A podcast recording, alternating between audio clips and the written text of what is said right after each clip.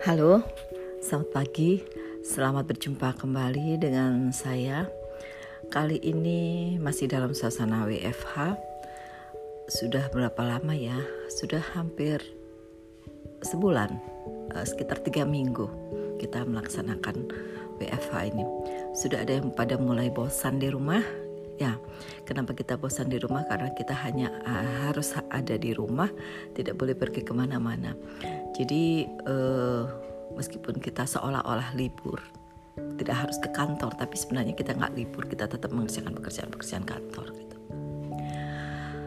Uh, mudah marilah kita sama-sama berdoa supaya cobaan ini bagi kita semua ini harus segera berlalu.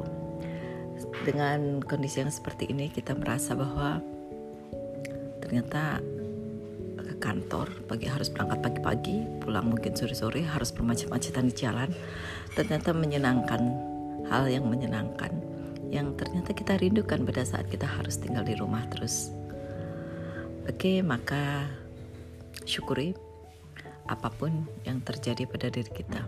Sekian tahun lagi eh, kebosanan kita kali ini juga akan menjadi kenangan yang indah yang layak untuk diceritakan kepada anak cucu kita nanti.